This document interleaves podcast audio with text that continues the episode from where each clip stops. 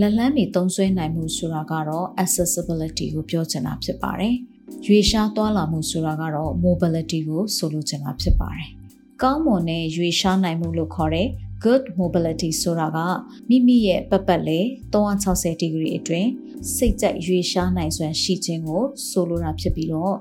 စန့်ကျင်ဘက်အားဖြင့်ဆိုရင်တော့ poor mobility လို့ခေါ်တဲ့ညံ့ဖျင်းတဲ့ရွေရှားနိုင်မှုဆိုတာတော့ဘယ်ကိုမှသွာလာနိုင်စွမ်းမရှိအောင် ဖြစ်နေတာမျိုးကိုဆိုလိုတာဖြစ်ပါတယ်။ပြောမယ်ဆိုရင်တော့ခုခေတ်အနေအထားအရ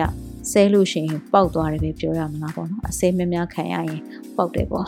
ရုပ်ရှင်ကအနေနဲ့ဆိုရင်ဒီအသိပညာပေးတဲ့ program မှာလည်းဒီလိုမျိုးလာပြီးဆဲကြပြီးဆိုကြပြီးဆိုတွေက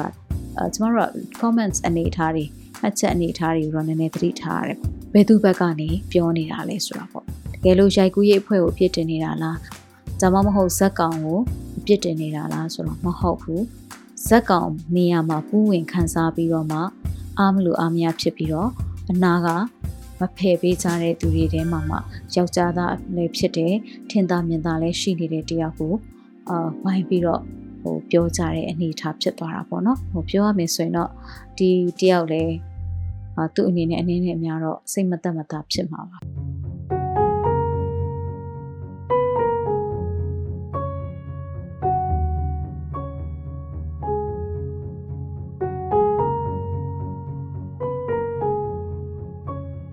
မင်္ဂလာပါခင်ဗျာမင်္ဂလာပါရှင်မြန်မာ Cinemability Network ကထုတ်လွှင့်တဲ့ရေရေမုံမုံပေါ်ပေါ်ပါပါ podcast အစီအစဉ်ကနေကြိုဆိုလိုက်ပါရစေဒီအစီအစဉ်ကမြန်မာလူမှုနယ်ပယ်မှာမတန်ဆွမ်းမှုအသိပညာတွေမြင့်တင်ပေးနိုင်ဖို့မတန်ဆွမ်းအတိုင်းဝိုင်းကဖြစ်ရဆုံးကဏ္ဍဆောင်ကိုမတူညီတဲ့ရှုထောင့်ပေါင်းစုံကနေလွတ်လပ်ပွင့်လင်းတဲ့တွေးခေါ်ဆင်ခြင်နိုင်မှုတွေနဲ့မျှဝေလူကြားသူတွေရဲ့အတန်တွေကိုပြုစုပြောင်းထောင်ဖော်ထုတ်ပေးနေခြင်းဖြစ်ပါတယ်။ ဒီစီစဉ်ကိုအပတ်စဉ်စနေနေ့ည9:00နာရီတိုင်းကျမတို့ရဲ့ Facebook စာမျက်နှာနဲ့ anchor.fm/mca network တို့ကနေစောင့်မျှော်နားဆင်နိုင်မှာဖြစ်ပြီး Anchor ကနေအခြားသော Apple Podcast, Google Podcast, Spotify, Breaker တို့အပြင် MCA network ရဲ့ YouTube channel မှာလည်းတွားရောက်နားထောင်နိုင်ပြီဖြစ်ကြောင်းဥစွာအသိပေးလိုပါတယ်။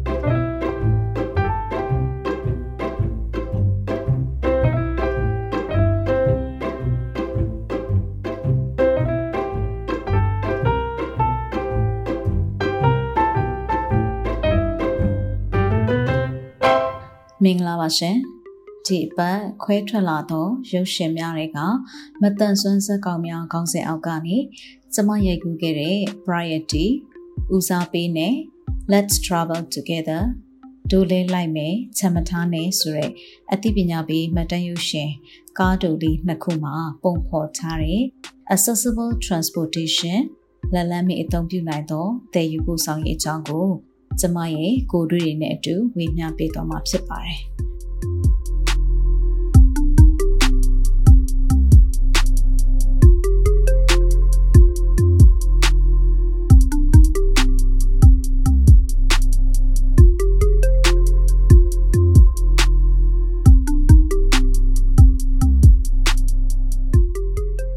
ပထမဦးဆုံးကျမရဲ့တင်ဆက်မှုလေးမစခင်မှာကြိုတင်ပြောပြထားချင်တာကတော့ အခုထုတ်လွှင့်မှုဟာလက်ရှိကာလနဲ့အဆင်ပြေလိုက်ဖက်ခြင်းမှလိုက်ဖက်ပါလိမ့်မယ်။ဒါပေမဲ့ဒီကနေ့အထိကျမတို့ကြုံတွေ့မှုတွေတည်ယူပို့ဆောင်ရေးမျိုးစုံရဲ့အတွေ့အကြုံတွေကတော့အတော်လေးကိုတယောက်နဲ့တယောက်နီးနီးဆက်ဆက်ခံစားမိတာတွေထပ်တူကြနေမယ်ဆိုတာယုံကြည်ပါတယ်။အထူးသဖြင့်ပေါ့နော်ကျမတို့ရန်ကုန်မှာရုံးကန်လှုပ်ရှားနေရသူတွေကတော့ အခုပြောသွားမယ့်အကြောင်းအရာတွေကိုမြင်မြင်ကိုတွေ့ကြုံခဲ့ဖို့သူတွေရှိကြမှာပါဒီနေရာမှာမိတ်ဆွေတို့ကိုမေခွန်းလေးတစ်ခုမေးချင်ပါတယ်မိတ်ဆွေတို့အနေနဲ့နေ့စဉ်နဲ့အမျှအသုံးပြုနေရတဲ့အများပြည်သူသုံးသယ်ယူပို့ဆောင်ရေးယာဉ်တွေဖြစ်တဲ့ဘတ်စကာမီယတာသင်္ဘောစတာတွေမှာမတန်ဆွမ်းသူတူဦးကအတူလိုက်ပါစီးနေတာမျိုးကြုံတွေ့ဘူးပါသလားအဲ့ဒီလိုအများသုံးရှင်တွေကိုအတူစီးတဲ့အခါ မိမိကိုယ်တိုင်ကရောသူတို့ကိုဘယ်လိုပြုမှုတုံ့ပြန်လေးရှိသလဲမှတ်မိပါသလားသတိထားမိပါသလားကျမဘာကြောင့်ဒါကိုမေးလဲဆိုတော့ကျမအတွေ့အကြုံရဆိုလို့ရှိရင်ကျမရဲ့တချို့သောမိတ်ဆွေတွေအပါအဝင် မတန်ဆွမ်းသူအတော်များများကအများနည်းတူပေါ့နော်တည်ယူပို့ဆောင်ရေးရှင်တွေကိုတယောက်တည်းသွားလာတဲ့အခါမှာအလွယ်တကူအသုံးပြုဖို့ဆိုရင်အတားအဆီးတွေကရှိနေပါသေးတယ်။အဲ့ဒီအတားအဆီးတွေကိုဖြေလျှော့ပေးလိုက်နိုင်မယ်ဆိုရင်တော့ မတန်ဆွမ်းသူတွေဟာတကိုယ်တည်းလွတ်လွတ်လပ်လပ်နဲ့နေရာစုံကိုလက်လန်းပြီးဝင်ထွက်သွားလာနိုင်မှာပဲဖြစ်ပါတယ်။ဥပမာကျမတို့နိုင်ငံကဘတ်စကားအတော်များများမှာ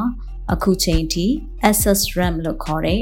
ချင်းကပ်လမ်းတွေမပါရှိသေးပါဘူး။ချင်းကပ်လမ်းဆိုတာကတော့ဒီဘတ်စကားပေါ်ကိုဘိန်းတက်ကလထိုင်သုံးတဲ့မတန်ဆွမ်းသူတူဦးတက်ဖို့အတွက်ပေါ့နော်ဘတ်စကားတွေကို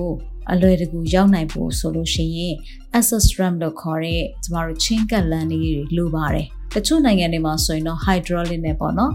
driver ကထိုင်ရမထပဲခလုတ်ကလေးနှိပ်လိုက်တာနဲ့ hydraulic နဲ့ထွက်ပေးတယ်ပြီးလို့ရှိရင်တက်သွားပြီးတာနဲ့သူကပြန်ပြီးတော့ခလုတ်လေးနှိပ်လိုက်တာနဲ့သူကသူကားပိုက်အောက်ကိုပြန်ဝင်သွားတယ်ပေါ့အာဒီလိုမျိုး hydraulic နဲ့ဟာတွေရှိတယ်လို့တချို့တွေကြတော့မတန်ဆွမ်းသူကိုမြင်လို့ရှိရင် driver တွေကကိုယ်တိုင်ဆင်းလာပြီးတော့မှ လက်နဲ့ဆွဲပြီးတော့မှဒီ access ramp လေးကို ထုတ်ပေးတယ်မတန်ဆွမ်းသူကိုတွန်းပေးဖို့လိုရင်တွန်းပေးတယ်နေရာချပေးတယ်ပြီးလို့ရှိရင်အဲ့ဒီ access ramp လေးကိုပြန်ခောက်သိမ်းပြီးတော့မှသူကကားဆက်မောင်းလဲပေါ့နော်ဒီလိုမျိုးလုပ်တယ်ပေါ့မြန်မာပြည်မှာအဲ့ဒီလိုမျိုးကားတခါတော့ campaign တစ်ခုဗီဒီယိုမှာတွေ့ဘူးတယ်ပေါ့နော်ဒါပေမဲ့ကျမသတိထားမိသလောက်တော့ကျမသွားလာနေတဲ့ကာလတစ်လျှောက်မှာတော့အဲ့လိုကားမျိုးကိုမစီးဘူးပေါ့နော်အဲ့တော့ကျမအထင်တော့ဒါကားအရေးအတွက်အကန့်အသတ်ရှိမယ်တနည်းအားဖြင့်အရေးအတွက်နည်းမယ်ဒါမှမဟုတ် line ပေါင်းစုံမှာရှိချင်မှရှိမယ်ပေါ့နော်တခါကားထဲမှာလည်းဘိန်းတက်ကလထိုင်အသုံးပြုသူတွေအတွက် ထွက်ပေါက်နဲ့အနည်းဆုံးနေရာမှာနေရာယူနိုင်ဖို့အတွက်တည်တဲ့နေရာသတ်မှတ်ထားတာမျိုးတွေလည်းသိပြီးတော့မရှိဘူးတခါဘိန်းတက်ကလထိုင်အသုံးပြုသူဆင်းမယ်ဆိုလို့ရှိရင်နှိပ်ဖို့အတွက်သူ့လက်နဲ့မိလောက်တဲ့နေရာမျိုးမှာဝီချဲပုံလေးနဲ့ခလုတ်ကလေးကိုနှိပ်ဖို့အတွက်လည်းပြင်ဆင်ပေးထားတာမျိုးတော့မတွေ့ဘူးသေးဘူးပေါ့နော် လုံလုံးမရှိဘူးလို့တော့မဆိုလို့ဘူးရှိကောင်းရှိမယ်ဒါပေမဲ့ကျမတို့နေ့စဉ်သွားလာပူတဲ့ကားတွေထဲမှာတော့အဲ့ဒီလိုမျိုးအထူးတလဲလှုပ်ထားတာမျိုးကိုမတွေ့ရဘူးပေါ့ဒါပေမဲ့အခုနောက်ပိုင်းတော့ဒီလိုမျိုးကုမ္ပဏီကြီးတွေကနေသွင်းလာတဲ့ကားတွေမှာဆိုရင်တော့ priority seat လို့ခေါ်တဲ့ဦးစားပေးထိုင်ကုန်ပေါ့တချို့ထိုင်ကုန်တွေကအယောင်လေးတွေသတ်မှတ်ထားတယ်ဥပမာလိမ်မောရောင်ဆိုလိမ်မောရောင်ပေါ့နော် priority seat အနေနဲ့အဝင်ပေါက်ထွက်ပေါက်နဲ့နီးတဲ့နေရာလေးတွေမှာ ဒီလိုမျိုးထိုင်ကုန်လေးတွေကိုသတ်မှတ်ပေးထားတာမျိုးတွေ့ရတယ်ပေါ့နော်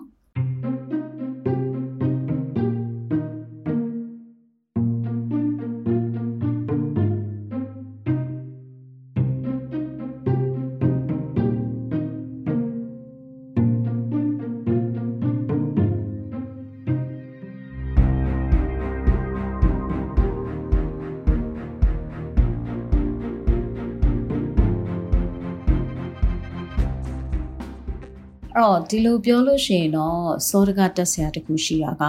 တနေ့တနေ့ပေါ့နော်မတန်ဆွမ်းသူဘယ်နှယောက်များအပြင်ကိုထွက်လာပြီးတော့ဘတ်စကားစီးလေဆိုပြီးတော့ကျမကိုပြန်မေးစရာအကြောင်းရှိပါတယ်ဟုတ်ပါတယ်မတန်ဆွမ်းသူတူကဘတ်စကားတွေကိုမရောက်လာခင်မှာကြော်ဖြတ်ရမယ်အဆင့်ဆင့်နေရာတွေအများကြီးရှိပါတယ်ဥပမာသူ့ရဲ့အိမ်ခန်းထဲကနေအိမ်ပြင်ကိုထွက်ဖို့အတွက်လည်းသူ့မှာအတားအဆီးရှိကောင်းရှိနိုင်ပါတယ်။ တချို့တွေဆိုလို့ရှိရင်အထက်မြင့်မှာနေရတာမျိုးတွေဒါမှမဟုတ်အလွယ်တကူဆင်းမှုတက်ဖို့အတွက်အဆင်မပြေတဲ့နေရာမျိုးမှာနေရတာမျိုးတွေကိုကိုယ်တိုင်ဆင်းမှုတက်ဖို့အဆင်မပြေလို့သူတစ်ပါးရဲ့အကူအညီကိုယူရတာမျိုးတွေလည်းရှိကောင်းရှိပါတယ်။ပြီးလို့ရှိရင်တော့ကိုယ့်ရဲ့အိမ်ရှိကိုရောက်ပြီဆိုလို့ရှိရင်လေကိုဖြတ်တန်းရမယ်လမ်းအကျဉ်းလမ်းအကျဉ်း လူမြင်ကြတွေ platform တွေခုံးကျော်တရားတွေကိုစီးမဲ့ရင်တွေရှိတဲ့နေရာဖြစ်တဲ့ကားဂိတ်တွေဘူတာယုံတွေသင်္ဘောစိတ်တွေကလည်းသူတို့အတွက်အလွယ်တကူသွားလာအသုံးပြုဖို့ခက်ခဲနေသေးလို့ပါပဲဒါကြောင့်မို့လို့မိတ်ဆွေတို့ကျမတို့အနေနဲ့နေ့စဉ်နဲ့အများအများပြည်သူသွားလာတဲ့အထက်မှာမတန်ဆွမ်းသူတွေကိုတွေ့ရတာနှဲပါနေတာဖြစ်ပါတယ် တကယ်လို့သာမတန်ဆွမ်းသူတွေအဲ့ဒီလိုနေရာတွေကိုအလွယ်တကူသွားလာအသုံးပြုနိုင်ဖို့လုပ်ပေးထားနိုင်မယ်ဆိုရင်ကျမတို့နိုင်ငံတကာမှာဆိုလို့ရှိရင်အမြဲတမ်းနေရာတိုင်းလိုလိုမှာမတန်ဆွမ်းသူတွေကိုတွေ့ရတယ်။တောင်ပေါ်ကဖျားเจ้าတွေမှာလည်းမတန်ဆွမ်းသူတွေကိုတွေ့ရတယ်။ဒီလိုမျိုးခြားသောအများပြည်သူသွားလာလှုပ်ရှားတဲ့အပန်းဖြေတဲ့နေရာမျိုးတွေကော်ဖီဆိုင်လိုနေရာမျိုးတွေ shopping mall လိုနေရာမျိုးတွေလူစီကားတဲ့နေရာမျိုးတွေကအစပေါ့နော် ခက်ခက်ခဲခဲသွားရတဲ့နေရာမျိုးတွေအထီတောင်မှမတန်ဆွမ်းသူတွေဟာအလွယ်တကူဝင်ထွက်သွားလာနိုင်နေတာကိုတွေ့ရတယ်ပေါ့နော်အဲ့ဒါဘာလဲဆိုတော့ဒီလိုမျိုးခက်ခဲမှုတွေအတားအဆီးတွေကိုဖြေလျှော့ပေးထားနိုင်တဲ့ပတ်ဝန်းကျင်တွေရှိတဲ့အခါမှာသူတို့အတွက်ကပို့ပြီးတော့မှအများပြည်သူလိုပဲအလွယ်တကူတွာလာလှုပ်ရှားနိုင်တယ်သူတစ်ပါးရဲ့အကူအညီမယူဘဲနဲ့အကောင်းဆုံးကိုအားကိုကိုပြီးတော့မှလှုပ်ဆောင်နိုင်တဲ့ အနေအထားမျိုးတွေကိုပံ့ပိုးပေးတဲ့အစီအမံတွေရှိတဲ့အတွက်ကြောင့်မလို့ဒါသူတို့တွားနိုင်တာဖြစ်တယ်ပေါ့နော်ကျမတို့နိုင်ငံမှာကတော့အဲ့ဒီလိုအခက်အခဲလေးတွေကအနည်းနဲ့အများရှိတယ်အထူးသဖြင့်ကျမတို့လိုမြို့ကြီးပြကြီးတွေရန်ကုန်လိုနေရာမျိုးမှာတော့မှအလွယ်တကူဝင်ထွက်သွားလာဖို့အတွက်နေရာတိုင်းကအဆင်ပြေနေတာမဟုတ်ပါဘူးဒါကြောင့်မလို့အများပြည်သူသုံးရင်းနေမှာပဲဖြစ်စေ shopping mall center တွေမှာပဲဖြစ်စေအာပြီးလို့ရှိရင် အပန်းဖြေတဲ့ရုပ်ရှင်ရုံတို့ပန်းချန်တို့လိုနေရာမျိုးမှာပဲဖြစ်စေမတန်ဆွမ်းသူတွေအလွယ်တကူဝင်ထွက်သွားလာနိုင်ဖို့အတွက်ကအစီအမံလေးတွေထပ်လုပ်ဖို့လိုနေသေးတာရှိပါတယ်။တချို့သောနေရာတွေမှာတော့သွာလာလှုပ်ရှားနိုင်တယ်။ဒါပေမဲ့လည်းအဲ့ဒီလိုသွာလာလှုပ်ရှားဖို့အတွက်တစ်ခါလေမှာမတန်ဆွမ်းသူတယောက်ထဲနဲ့လည်းအလုပ်ဖြစ်ချင်မှဖြစ်တယ်ပေါ့နော်။အ ਨੇ ဆုံးတော့အကူတယောက်ဒါမှမဟုတ်အဖော်တယောက်ပါမှသာလေအဆင်ပြေနိုင်တဲ့အခါမျိုးတွေလည်းရှိပါတယ်။ ပြောမယ်ဆိုရင်တော့အဲ့ဒီလိုမျိုးခက်ခဲမှုတွေကဟန်တာအဖြစ်နဲ့ရှိနေသေးတဲ့အခါမတန်ဆွမ်းသူအတော်များများဟာငွေကြေးသက်သာစွာနဲ့စီးနှင်းနိုင်မယ်အများပြည်သူသုံးတည်ယူပို့ဆောင်ရေးရှင်တွေကိုတော့မှလက်လှမ်းမမီနိုင်သေးတဲ့အဖြစ်နဲ့ကြုံနေကြရတာဖြစ်ပါတယ်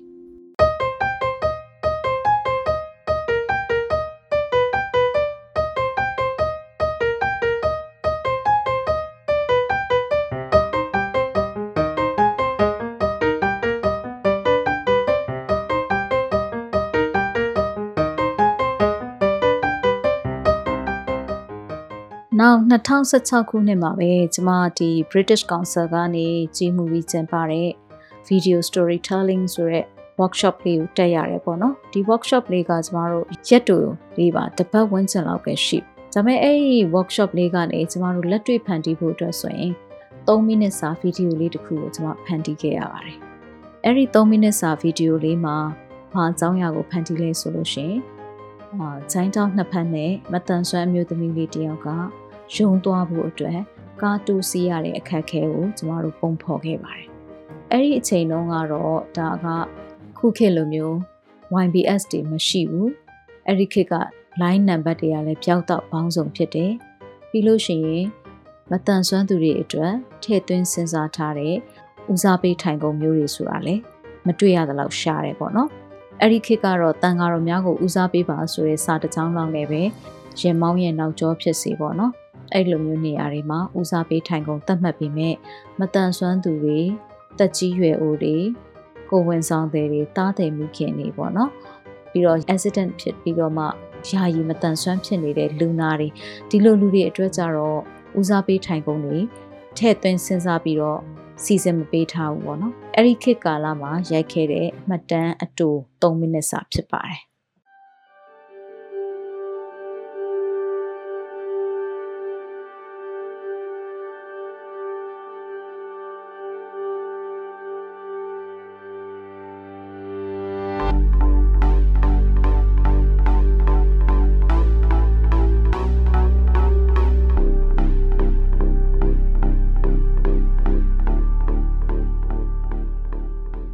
ဒီမှတ်တမ်းထဲမှာဆိုလို့ရှိရင်ဇိုင်းတောင်းနှစ်ဖက်နဲ့အမျိုးသမီးလေးက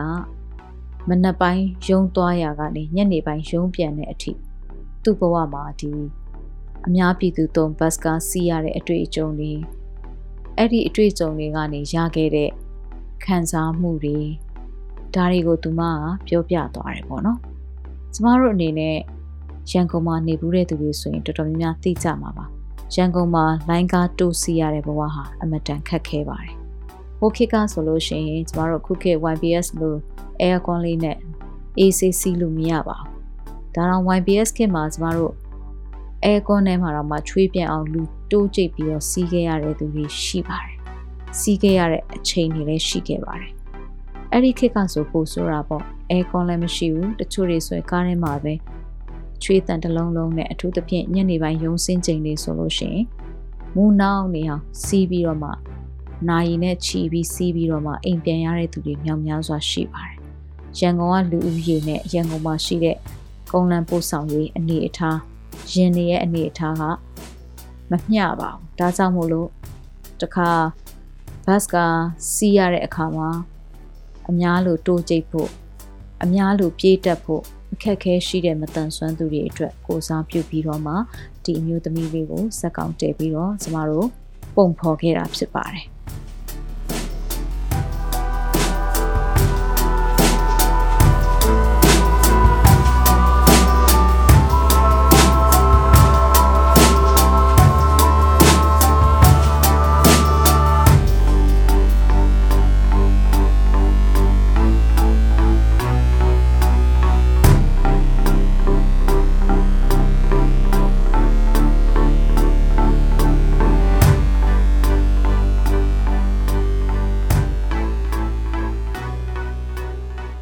နောက်တစ်ခုကကြတော့ဒီခရီးသွားသူတွေရဲ့အမြင်သဘောထားဒီဘတ်ကားကိုအဲ့တုန်းကတော့ spare လို့ခေါ်တဲ့ရင်အကူတို့ရင်နောက်လိုက်တို့ဒါမျိုးတွေရှိတဲ့ခေတ်ဆိုတော့ဘာသွားတွေ့ရလဲဆိုတော့လူအမျိုးမျိုးရဲ့တုံ့ပြန်မှုအမျိုးမျိုးပေါ့နော်အတူတူစီးတဲ့လူတွေရဲ့အမြင်သဘောထားခုံရနေတဲ့သူတွေရဲ့အမြင်သဘောထားတိုးဝှေ့စီးရတဲ့အခါမှာရှိတဲ့ မတန်ဆွမ်းသူတယောက်ရဲ့ခံစားချက်အမြင်ပေါ့နော်ဒါလေးတွေကိုကျမတို့လေ့လာခဲ့ရတယ်အဲ့ဒီဇလန်တိုလေးကအချိန်3မိနစ်တွင်မှာဘဝပေါင်းမြောင်များစွာအတွက်ကိုစားပြုပြီးတော့စကားတွေအများကြီးပြောသွားတယ်လို့ခံစားရစေပါတယ်အဲ့တော့ဒီမှတ်တမ်းအတူလေးကိုဖန်တီးတဲ့ခါမှာကျမတို့ဘက်ကတီထွင်ဖန်တီးမှုတစ်ခုလုပ်ရပါတယ်အဲ့ဒါပါလဲဆိုတော့ ကျမတို့ကကြပန်းပေါ့နော်ဒီအမျိုးသမီးလေးစောင့်စည်းတဲ့နံပါတ်စောင့်စည်းတဲ့ရင်အဲ့ဒီအချိန်မှာလာတဲ့ရင်သူတက်သွားတဲ့ရင်ပေါ်မှာကျမတို့ကလိုက်ပြီးတော့တဘာဝအတိုင်းရဲရမှာဖြစ်တဲ့အတွက်သိကြတာကတော့အဲ့ဒီခေတ်ကကားတွေဟာကိုရီးယားတို့ဂျပန်တို့ကနေပြီးတော့မှအကြကားတွေပေါ့နော်ပြောရမယ်ဆိုရင်သူတို့ရဲ့မူရင်းစာနဲ့ရေးထားတဲ့ဦးစားပေးထိုင်ကုန်ဦးစားပေးအယုတ်ကလေးတွေရှိပေမဲ့ ကျမတို့ကမြန်မာမှုပြန်ပြီးတော့ပြုဖို့အတွက်လိုနေတယ်ပေါ့သူသဖြင့်မြန်မာစာနဲ့ရုပ်ပုံလေးတွေနဲ့တွဲပြီးတော့ကတ်ထားတဲ့ဟာမျိုးမရှိတဲ့အတွက်ကျမတို့ကကြိုတင်ပြင်ဆင်ရပါတယ်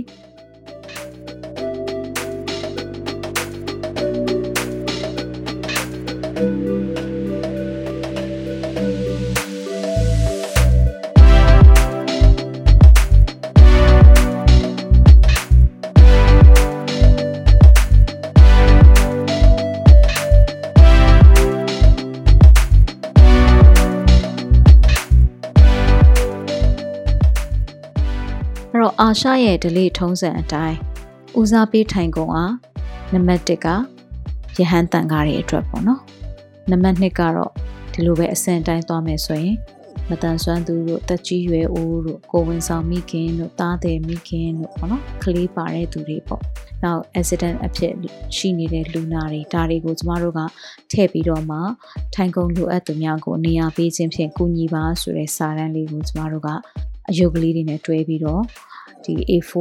တရွက်စာပေါ့နော် landscape ပေါ့ဒီကန်လန် A4 တရွက်စာ sticker လေးတွေလုပ်ပြီးတော့ကျမတို့ကအစင်းသစ်လက်ထဲမှာ50ခုထုတ်သွားပြီးတော့စောင့်နေရပါတယ်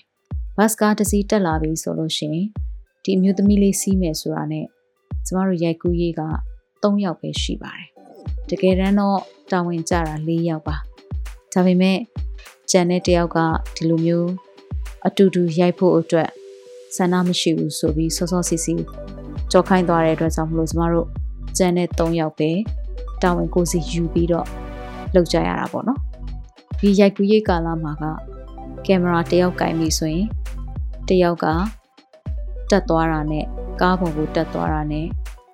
driver ကိုသွားပြီးတော့ sticker လေးကို campaign လုပ်နေလို့ဗီဒီယိုရိုက်ချင်လို့ဒါလေးကတ်ခွင့်ပြုပါဆိုပြီးတော့သွားခွင့်တောင်းတယ် sticker ပြင်ဆင်တယ် ဂျန်နဲ့တယောက်ကကြတော့ရိုက်နေတဲ့ကင်မရာ frame ထဲမှာကင်မရာဘောင်ထဲမှာထိုင်ကုန်အလွတ်မရှိအောင်လို့တချို့တွေကရုပ်ရှင်ရိုက်နေမှန်းသိတော့ထားပေးတယ်ဒါမှမဟုတ်ရုပ်ရှင်ထဲမှာကိုမျက်နှာမပါခြင်းလို့ထားသွားတယ်အဲ့လိုအခါမှာကိုရိုက်နေတဲ့ဇက်ကောင်ရဲ့ရှေ့မှာခုံဟောင်းလောင်းကြီးရှိပြီးတော့ကိုဇက်ကောင်အောင်မထိုင်ဘူးဆိုရင်ဒါသဘာဝမကျတော့အဲ့တော့ကျမတို့ကဘာလုပ်ရလဲဆိုတော့ကျမတို့ရဲ့ ကင်မရာနောက်ွယ်မှာရှိတဲ့သူတွေကိုလည်းပြောထားတယ်ကင်မရာကင်နေတဲ့သူကလွယ်လို့ရှိရင်လွတ်နေတဲ့နေရာတွေမှာတယောက်မဟုတ်တယောက်ဝင်ထိုင်ပါဆိုတော့ကျမတို့တွေကဒါဖွဲ့သားတယောက်ကဝင်ထိုင်ပေးတယ်ပေါ့နော်အဲ့ဒီလိုရိုက်တဲ့အခါမှာရိုက်တော့ကလည်းဘာမှမဖြစ်ဘူးအေးစေး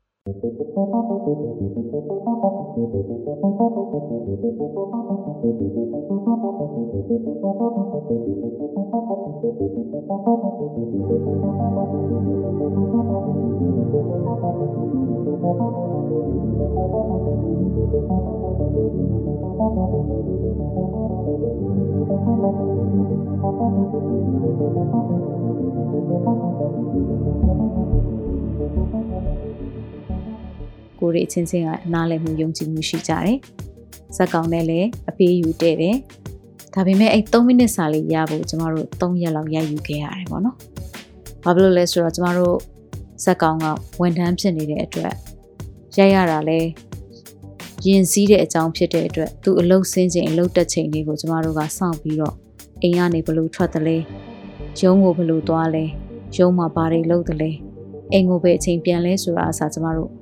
ဦးစားပေးရိုက်ပြီးတော့မှဒီ3မိနစ်စာလေးထွက်လာတာပေါ့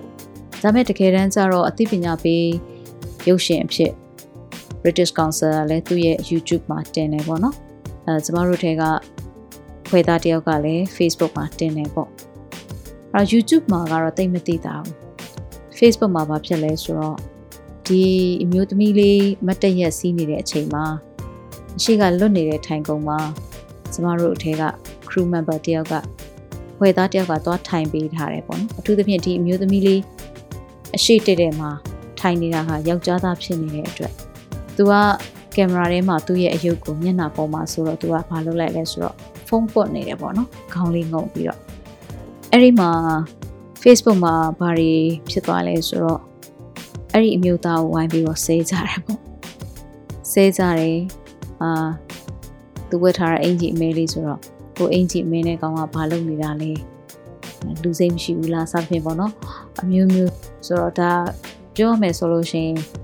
အသိပညာပေးကဖန်တီးတဲ့ဆိုပေမဲ့လည်းအပရိသတ်ရဲ့နားလည်နိုင်စွမ်းကကင်မရာနောက်ွယ်မှာရှိနေတဲ့လူတွေရဲ့အလုပ်လုပ်ရပုံကိုမသိတဲ့အခါကျတော့ဒါသူတို့ကဒီဇက်ကောင်ပေါ်မှာပူးဝင်ခံစားပြီးတော့အာသူ့ကိုထိုင်ကုန်နေရရစေခြင်းနဲ့စိတ်ဆန္ဒကြောင့်ဒီအနီးအနားမှာအထူးသဖြင့်ကျင်သားမြင်သာရှိနေတဲ့အနီးကပ်နေတဲ့ဒီရှောက်လန်းဘေးမှာထိုင်နေတဲ့ အမျိုးသမီးလေးရက်နေတဲ့အရှိတက်တဲ့မှာထိုင်နေတဲ့ယောက်ျားသားကိုဝိုင်းပြီးတော့မှဆဲဆူပြစ်တင်ဝေဖန်ကြတာရှိတယ်ပေါ့နော်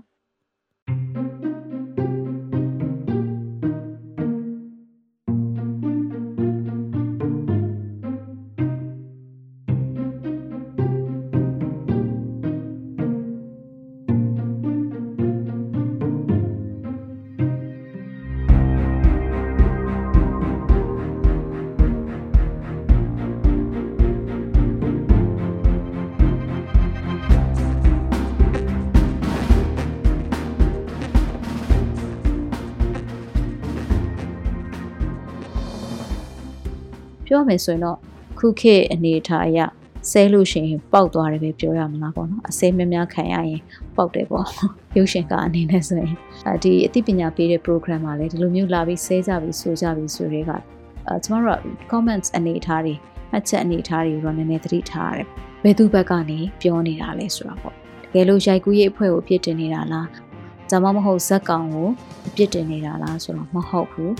ဇက်ကောင်နေရာမှာပူးဝင်ခန်းစားပြီးတော့မှ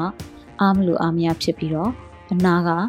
မဖယ်ပေးကြတဲ့သူတွေထဲမှာမှယောက်ျားသားလည်းဖြစ်တယ်ထင်သာမြင်သာလည်းရှိနေတဲ့တရားကိုအာဝိုင်းပြီးတော့ဟိုပြောကြတဲ့အနေအထားဖြစ်သွားတာပေါ့နော်ဟိုပြောရမယ်ဆိုရင်တော့ဒီတယောက်လည်းအာသူ့အနေနဲ့အနေနဲ့အများတော့စိတ်မသက်မသာဖြစ်မှာပါဒါပေမဲ့ကျမကတော့ပြောတယ်အဲဒါကိုစိတ်ထဲမထားနဲ့ဒါကျမတို့ဖန်တီးမှုဟိုပြိသက်က ခံစားလို့ရသွားလို့ဒါဒီလိုမျိုးမှတ်ချက်တွေထွက်လာတာဒါကိုပဲပြန်ပြီးတော့တမျိုးတစ်ပုံတွေးပြီးတော့ကျမတို့နားလည်လက်ခံလိုက်ရအောင်ဆိုပြီးတော့ကျမပြောခဲ့ပါတယ်အဓိကကတော့ကျမတို့ဖန်တီးတဲ့ဇက်ကောင်တွေကလူပေါင်းမြောက်များစွာကိုကိုစားပြုပါတယ်အထူးသဖြင့်မတန်ဆွမ်းမှုမှာဂျိုင်းတောက်တစ်ဖက်သမားနဲ့ဂျိုင်းတောက်နှစ်ဖက်သမားတော့မတူပါဘူးအဲ့တော့ဂျိုင်းတောက်နှစ်ဖက်နဲ့ရွေ့နေတဲ့ကားပုံတည်တဲ့အတိုင်းပဲတချို့ကားတွေဟာလေ ဘိန်းလိမ့်ယုံလေးပဲလုံးဝကြွေကနေရက်သွားတာမဟုတ်ပဲဘိန်းလိမ့်ပြီးအရှိန်လျှော့ယုံလေးနဲ့လူကိုဂျိုင်းကနေဆွဲတင်ပြီးတော့ဝူကနေမောင်းထွက်ကြတာမျိုးဆိုတော့အဲ့ဒီလိုဟာမျိုးမှာကားရဲ့ဝင်မဲ့အပေါက်နဲ့ကိုနေတဲ့နေရာနဲ့မတည့်တဲ့အခါမှာကားနောက်ကိုပြေးလိုက်ရတာတို့ရှေ့ရောက်သွားရင်နောက်ကိုစိုးရတာနောက်ရောက်သွားရင်ရှေ့ကိုစိုးရတဲ့အနေထားဆိုင်တောင်းနှစ်ဖက်နဲ့အမျိုးသမီးတယောက်အတွက်အမတန်ခက်ခဲပါတယ်သူ့ရဲ့ကိုယ်ပေါ်မှာလည်းလွယ်တဲ့အိတ်ကလေးရှိမယ် တခါလေဆိုရင်ထမင်းကြိုင်အိတ်ကလေးတောင်လက်မှာပါလိုက်သေးတယ်အဲ့လိုမျိုးဆိုတာဒီအမျိုးသမီးတယောက်ဒီလိုမျိုးလိုင်းကားစီနေရတာအမတန်ခက်ခဲတယ်ဒါကမှလိုင်းကားပေါ်ရောက်တဲ့အခါမှာနေရာလေးမရဘဲနဲ့တောက်လျှောက်ကိုစီးတဲ့အကွာဝေးအတိုင်းမတ်တက်နဲ့ပဲပြန်ဆင်းခဲ့ရတယ်ဆိုတာဟာအမတန်ခက်ခဲတဲ့အနေအထားတစ်ခုကိုကျမတို့ပြနိုင်ခဲ့တယ်ပေါ့နော်တကယ်လည်းပဲအဲ့ဒီလိုမျိုးနေတိုင်းစီးနေခဲ့ရတာပါ ဒါကျမတို့ကင်မရာထောင်ပြီးတော့ရိုက်ပြီးဆိုတော့တော်များများကရိုက်နေမှန်းသိလို့ဖယ်ပေးကြတာရှိသလိုကင်မရာထဲမှာပါချင်လို့ဖယ်ကြတာပဲရှိပါတယ်တကယ်နေတိုင်းအဲ့ဒီလိုဖယ်ပေးလားဆိုတော့မဖယ်ပေးပါဘူးတဲ့ဒါကိုကြည့်ခြင်းအပြင်ကျမတို့လူမှုအတိုင်းအဝါမှာလိုအပ်နေတဲ့အထွေးခေါ်တစ်ခုကိုကျမတို့ကထိုင်ကုန်လိုအပ်သူများကိုနေရာပေးခြင်းဖြင့်ကူညီပါဆိုပြီးတော့ဦးစားပေးပုံကိုယ်တွေရဲ့သင်္ကေတလေးတွေနဲ့ကျမတို့ဒီလိုမျိုးအသိပညာပေးတဲ့ ဗီဒီယိုလေးကိုလည်းဖန်တီးခဲ့ဖြစ်တယ်ပေါ့နော်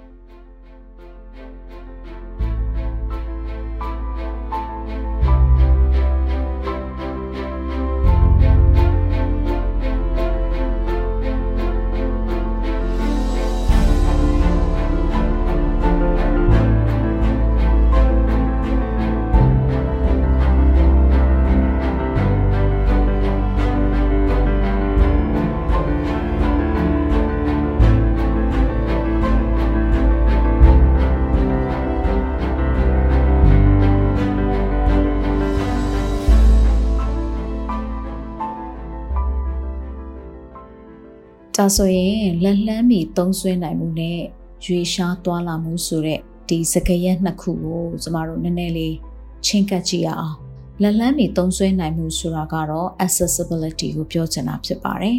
ရွေရှားသွားလာမှုဆိုတာကတော့ mobility ကိုဆိုလိုချင်တာဖြစ်ပါတယ်တကယ်လို့မိတ်ဆွေက Google မှာ accessibility နဲ့ mobility ဒီစကားလုံးနှလုံးဟာဘာကွဲပြားခြားနားလဲလို့ရှာကြည့်လိုက်မယ်ဆိုရင်တော့အချက်လက်တွေကတော့အများကြီးထွက်လာနိုင်ပါတယ် 1959ခုနှစ်ကတည်းက WG Hansen ဆိုသူကနေပြီးတော့ accessibility ဆိုတဲ့တွာလာနိုင်မှုဟာ interaction အပြန်အလှန်ဆက်သွယ်မှုအတွက်အလားအလာဖြစ်တယ်လို့အဓိပ္ပာယ်ဖွင့်ဆိုထားခဲ့တယ်။တခါ mobility ဆိုတဲ့ရွေရှားနိုင်မှုဟာ movement ဆိုတဲ့လှုပ်ရှားမှုအတွက်အလားအလာဖြစ်တယ်လို့အဓိပ္ပာယ်ဖွင့်ဆိုခဲ့ပါတယ်။ဒါဆိုရင်မိတ်ဆွေကဟင်းအဲ့ဒါဘာလို့ရမှာလဲဆိုပြီးတွေးချင်တွေးမိသွားနိုင်တယ်ပေါ့နော်။ ရုတ်တရက်ကြည့်လိုက်မယ်ဆိုရင်တော့ဒီစကလုံးနှလုံးစလုံးဟာကျမတို့ဒီမတန်ဆွမ်းအတိုက်အဝန်းမှာဆိုလို့ရှိရင်အမြဲတမ်းလိုလိုကြားကောင်းကြားနေလိမ့်မယ်ပေါ့နော်တချို့သောအစီရင်ခံစာတွေမှာပဲဖြစ်စေတချို့သောမိန့်ခွန်းပြောဆိုမှုတွေမှာပဲဖြစ်စေတချို့သော project နဲ့ပတ်သက်တဲ့အကြောင်းအရာတွေမှာပဲဖြစ်စေဒီစကလုံးနှလုံးကတော့အမြဲတမ်းကျမတို့ကြားနေခဲ့ရတယ်ပေါ့နော်အတန်ဆွမ်းတိုက်ဝန်းနဲ့အလှမ်းဝေးတဲ့သူတွေအတွက်ကြတော့ဒီစကလုံးနှလုံးဟာအသက်အဆန်းလည်းဖြစ်ကောင်းဖြစ်နေနိုင်တယ်ပေါ့နော် ကျမအနေနဲ့ဒါကိုဘယ်လိုနားလည်လိုက်တယ်လဲဆိုတာကိုမိတ်ဆွေတို့ပြောပြချင်ပါတယ်။ကောင်းမွန်တဲ့ရွေရှားနိုင်မှုလို့ခေါ်တဲ့ good mobility ဆိုတာကမိမိရဲ့ပတ်ပတ်လေ360 degree အတွင်းစိတ်ကြိုက်ရွေရှားနိုင်စွမ်းရှိခြင်းကိုဆိုလိုတာဖြစ်ပြီးတော့စန့်ကျင်ဘက်အားဖြင့်ဆိုရင်တော့ poor mobility လို့ခေါ်တဲ့ညံ့ဖျင်းတဲ့ရွေရှားနိုင်မှုဆိုတာကတော့ဘယ်ကိုမှသွာလာနိုင်စွမ်းမရှိအောင်ဖြစ်နေတာမျိုးကိုဆိုလိုတာဖြစ်ပါတယ်။ ဒါကတော့ရှင်းပါတယ်ကျမတို့ good accessibility ကဖြစ်မယ်ဆိုလို့ရှိရင်ကောင်းမွန်တဲ့ရွေရွှာသွားလာနိုင်မှုတွေရှိမယ်ဆိုလို့ရှိရင်ကျမတို့ကဘာတွေလုပ်နိုင်မလဲဆိုတော့ကျမတို့လိုချင်တဲ့အရာကိုလိုချင်တဲ့အချိန်မှာအချိန်မရွေးရယူနိုင်စွမ်းရှိတာမျိုးဆိုလိုတာဖြစ်ပါတယ်ကျမတို့သွားကျင်တဲ့ခရီးစဉ်တစ်ခုရှိတယ်ဆိုလို့ရှိရင်အဲ့ဒီခရီးစဉ်အတွက်ကျမတို့အနည်းအနားမှာရင်အဲ့ဒီခရီးကိုသွားဖို့အတွက်ဆက်သွယ်လှုပ်ဆောင်နိုင်တဲ့နေရာမျိုးတွေနီးနီးနားနားရှိတာကိုဆိုလိုချင်တယ်ပြီးလို့ရှိရင်အဲ့ခရီးစဉ်ကိုတွားဖို့အတွက်ပဲကျမတို့တွားနိုင်တဲ့ channel တွေပေါ့နော်အများကြီးရှိတယ်ပေါ့ဥပမာယထာနဲ့သွားမလားကားနဲ့သွားမလားသင်္ဘောနဲ့သွားမလားစသဖြင့်အဲ့ဒီလိုမျိုး choice လုပ်နိုင်တဲ့ရွေးချယ်နိုင်တဲ့ခရီးစဉ်နေလဲရှိမယ်နောက်ပြီးလို့ရှိရင်အဲ့ရွေးချယ်စရာတွေအများကြီးရှိတဲ့အထဲမှာမှရွေးချယ်နိုင်ဖို့အတွက်လည်းကျမတို့လက်လှမ်းမိနိုင်တဲ့အနေအထားမျိုးရှိဖို့လိုပါတယ်ဒါဆိုရင်တော့စက်စပက်အနေနဲ့ပြန်တွေးမယ်ဆိုရင်တော့ poor accessibility လို့ခေါ်ရဲကျမတို့ရွေရှားသွားလာမှုအတွက်ဉာဏ်ဖြင်းတဲ့အနေအထားတစ်ခုကတော့ကျမတို့လိုချင်တဲ့အရာကိုလိုချင်တဲ့အချိန်မှာလိုချင်တဲ့နေရာမှာအလွယ်တကူမရနိုင်တဲ့ဟာမျိုးပေါ့နော်ပြောရမယ်ဆိုရင်တော့ဒီလက်လန်းမီသုံးဆွဲနိုင်မှုနဲ့ရွေရှားသွားလာမှုကလည်းအပြန်အလှန်အချိန်ဆက်ရှိပါတယ် တကယ်လို့ကျမတို့ကကောင်းမွန်တဲ့ရွေရှားသွားလာမှုတစ်ခုရှိမယ်ဆိုလို့ရှိရင်အဲ့ဒီကောင်းမွန်တဲ့ရွေရှားသွားလာမှုကိုဘာကအထောက်ပံ့ပေးနေလဲဆိုတော့ကောင်းမွန်တဲ့လက်လှမ်းပြီးသုံးဆွဲနိုင်မှုကအထောက်အကူပေးနေတာဖြစ်ပါတယ်။ဒီတော့မြို့ပြမှာရှိတဲ့လူကရွေရှားသွားလာဖို့ခက်ခဲနေပြီမဲ့သူတို့မှာလက်လှမ်းပြီးသုံးဆွဲနိုင်တဲ့အစီအမံကောင်းတွေရှိတတ်တယ်။ကြေးလက်မှာကကြတော့ရွေရှားသွားလာဖို့အတွက်လွယ်ကူနေတတ်ပေမဲ့လို့ လက်လှမ်းပြီးရယူသုံးဆွဲနိုင်ဖို့အတွက်ကခက်ခဲနေတာမျိုးတွေရှိတတ်ပါတယ်။ဒီသဘောတရားက mobility နဲ့ accessibility လို့ခေါ်တဲ့လက်လှမ်းမီရယူသုံးစွဲမှုနဲ့ရွေရှားသွားလာမှုတို့ရဲ့အပြန်အလှန်ဆက်နွယ်မှုပဲဖြစ်ပါတယ်။ဒါကြောင့်မို့လို့လက်လန်းမီရယူသုံးစွဲနိုင်မှုဟာအရန်ကိုအရေးကြီးတဲ့အချက်ဖြစ်တယ်။ဒီအချက်နဲ့ပတ်သက်ပြီးတော့မှကျမတို့ကအခန်းကဏ္ဍနှစ်ခုနဲ့တိုင်းတာလို့ရပါတယ်။အဲ့ဒါကတော့ပထမဆုံးချက်ကကျမတို့သွားခြင်းတဲ့နေရာနဲ့ ဘလောက်တိုင်းတာထိအနည်းဆက်ဆုံးရှိမလဲဆိုတာရဲ့ဘယ်လိုမျိုးအခြေအဆက်တွေနဲ့ရနိုင်မလဲဆိုတဲ့ပုံမှာမူတည်နေတာဖြစ်ပါတယ်။ဒီနှစ်ချက်ရှိမှသာကိုသွားလိုတဲ့နေရာတွေကိုလွယ်လွယ်ကူကူနဲ့သွားလို့ရနိုင်မှာဖြစ်ပါတယ်။ဒါဆိုရင်မတန်ဆွမ်းသူတွေရဲ့တည်ယူပို့ဆောင်ရေးအတွက် accessibility ဖြစ်မှုဟာဘာကြောင့်အရေးကြီးလဲဆိုတာကိုမိတ်ဆွေသဘောပေါက်မှာဖြစ်ပါတယ်။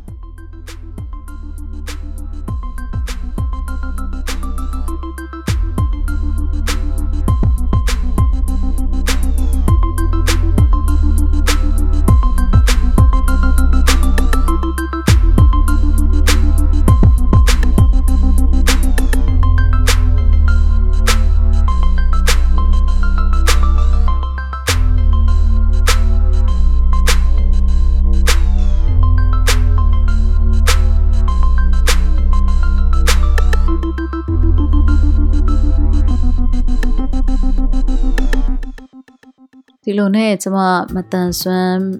ရုပ်ရှင်တွေမဖန်တီးဖြစ်တာတော်တော်ကြာခဲ့တယ်ပေါ့နော်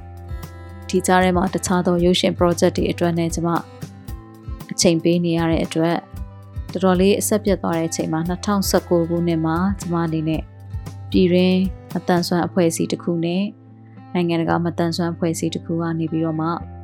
ပူးပေါင်းပြီးတော့ထုတ်လုပ်မယ်အသိပညာပေးမတန်တခါအတွက်လုပ်ခဲ့ရပါတယ် အဲ့ဒီဟာကတော့စောစောတုန်းကကျမတို့ transportation ပဲပြောရမယ်ဆိုရင်တော့ inclusive transportation လို့ပြောလို့ရတယ်ပေါ့နော်ရန်ကုန်မြို့ပေါ်မှာရှိတဲ့အမျိုးမျိုးသောယဉ်တွေဟာလူတိုင်းအကျုံးဝင်တဲ့ယဉ်တွေဖြစ်ဖို့ဆိုပြီးတော့အထူးသဖြင့်အများပြည်သူသုံးယဉ်တွေပေါ့နော်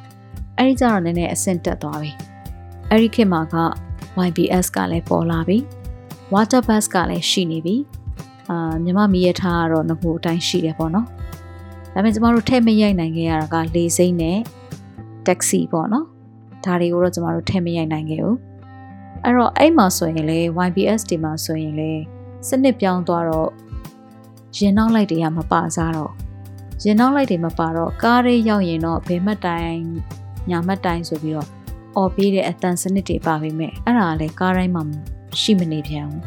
နောက်တစ်ခုကစိုက်လာတဲ့ကားဘာနံပါတ်လဲဆိုတာအမြင်အာရုံရှိတဲ့သူကအလွယ်တကူမြင်နိုင်ပေမဲ့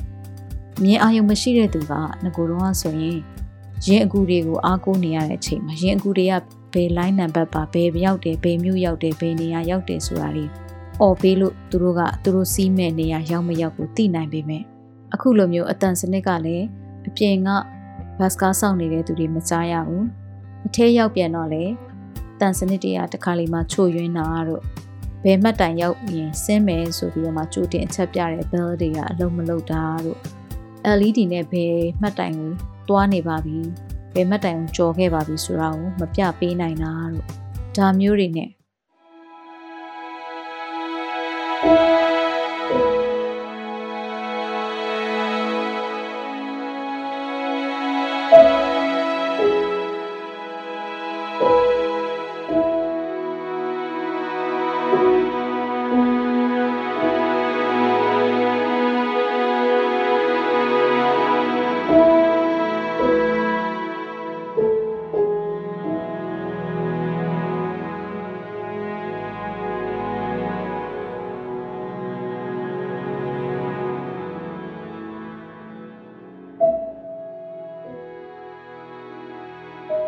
နောက်တစ်ခုကကျတော့ဦးစားပေးထိုင်ကုန်ဆိုရင်နေရာသတ်မှတ်ထားတယ်အယောင်သတ်မှတ်ထားပြီအဲ့ဒီခေတ်ကဦးစားပေးထိုင်ကုန်အများစုကလိမ်မော်ရောင်ပေါ့နော်များသောအားဖြင့်ရင်မောင်းရဲ့နောက်ကျောဘက်တစ်ဝိုက်မှာရှိတယ်ပေါ့အဲ့လိုမျိုးရှိတဲ့အခါမှာဒီအများပြည်သူသုံးရင်တွေမှာလိုက်ပါစီးစားမဲ့သူတွေကလည်းမတန်ဆွမ်းမှုကအမျိုးမျိုးရှိတယ်။တချို့ကဂျိုင်းတောက်နဲ့ဂျိုင်းတောက်မှာတစ်ဖက်သမားရှိတယ်နှစ်ဖက်သမားရှိတယ်။ တချို့ကတော့အမြင်အာရုံသမားအဖော်ပါတာရှိမယ်အဖော်မပါဘဲနဲ့ကိုယ့်အကူတယောက်တည်း white game ပေါ့နော်မျက်မမြင်လမ်းလျှောက်တို့ကိုအားပြုပြီးတော့မှသွာလာနေကြရတဲ့သူတွေရှိမယ်။အဲ့တော့သူတို့အတွက်အခက်အခဲတွေရှိတယ်။နောက်တစ်ခုကကြတော့အကြားအယုံမတန်ဆွမ်းသူတွေအတွက်ဆိုလို့ရှိရင်လေဒီလို LED မှာပြတဲ့စာသားပြတဲ့ဟာမျိုးလေးတွေလိုအပ်တယ်။ပြီးရင် bell ကမြည်လားမမြည်လားသူတို့လည်းနှိမ့်နေတာမသိဘူး။ဒီ bell ကမြည်ပြီးဆိုမှ ရက်မဲ့နေရမှာဆင်းမဲ့နေရဆင်းမဲ့မှတ်တိုင်မှာဒီ bell ကအတန်ထွက်ပြီးဆိုမှဆင်းရမယ်မှတ်တိုင်မှာကားကရက်ပြီးတာ။ဒါပေမဲ့သူတို့ကနှိမ့်လိုက်ပေမဲ့ဒီ bell ကအလုံးမလုံးတဲ့အခါတော်တော်လေးဒုက္ခရောက်တယ်မှတ်တိုင်ကြော်သွားတာတွေပေါ့နော်သူ့ကိုညှို့ညင်တာပေါ့နော်မတိုင်ကြော်သွားမှပြောရမလားဆိုညှို့ညင်တာမျိုးတွေခံခဲ့ရတယ်။နောက်ညရင်မတန်ဆွမ်းသူတွေအတွက်ဆိုလို့ရှိရင်အာနေရပေးတဲ့အခါမှာ အထူးသဖြင့်ညရင်မတန်ဆွမ်းသူတွေကအနီးကပ်ပေါ်ဖြစ်လိုက်ပါပေးသူတယောက်ကအမြဲပါတယ်။အဲ့တော့ဖြစ်နိုင်မယ်ဆိုလို့ရှိရင်ညရင်မတန်ဆွမ်းသူကိုရောအဖော်ဖြစ်လိုက်ပါပေးတဲ့သူကိုရောနေရပေးဖို့တက်ပါတယ်။နောက်တစ်ခုကကြတော့ညရင်မတန်ဆွမ်းမှုအမျိုးမျိုးမှာတချို့သောမတန်ဆွမ်းမှုတွေကဒီလိုမျိုးလူများများနဲ့ဆူဆူညံ့ညံ့နဲ့တူတူကြိတ်ကြိတ်နဲ့စီးရတာဟာသူတို့အတွက်အမတန်ကိုခက်ခဲပါတယ်ဒီလိုအကြောင်းအရာတွေကိုသိဖို့အတွက်ဆိုလို့ရှိရင် ညင်ရင်မတန်ဆွမ်းသူတွေအကြောင်းကိုကျမတို့ကတည်တည်ချာချာခရီးသွားပြည်သူတွေကိုတည်တည်ချာချာပေးသိထားဖို့လိုပါတယ်ဒါမှသာလျှင်စာနာတတ်မယ်ပေါ့နော်နောက်တစ်ခုကကြတော့ညင်ရင်မတန်ဆွမ်းသူတွေမှာကလည်းအလွယ်တကူသိနိုင်တဲ့ဉာဏ်ရည်မတန်ဆွမ်းသူတွေရှိတယ်လို့အလွယ်တကူမသိနိုင်တဲ့ဉာဏ်ရည်မတန်ဆွမ်းသူတွေရှိတဲ့အခါကျတော့ဉာဏ်ရည်မတန်ဆွမ်းတယောက်ဟိုအထူးသဖြင့်ပေါ့လူငယ်ပိုင်းပေါ့နော်လူငယ်ပိုင်းဉာဏ်ရည်မတန်ဆွမ်းတယောက်က ဒီလိုမျိုးဦးစားပေးထိုင်ကုန်မှာထိုင်နေရင်လူတွေကဘလို့မြင်တတ်ကြမလဲပေါ့ဘလို့အမြင်မှားနိုင်တယ်လဲဒါတွေကိုလည်းကျမတို့တွေကတည်တည်ချာချာသိဖို့လိုတဲ့အတွက်ဒီမှတ်တမ်းရုပ်ရှင်လေးမှာကျမတို့စူးစမ်းပြီးတော့ပုံဖော်ခဲ့တယ်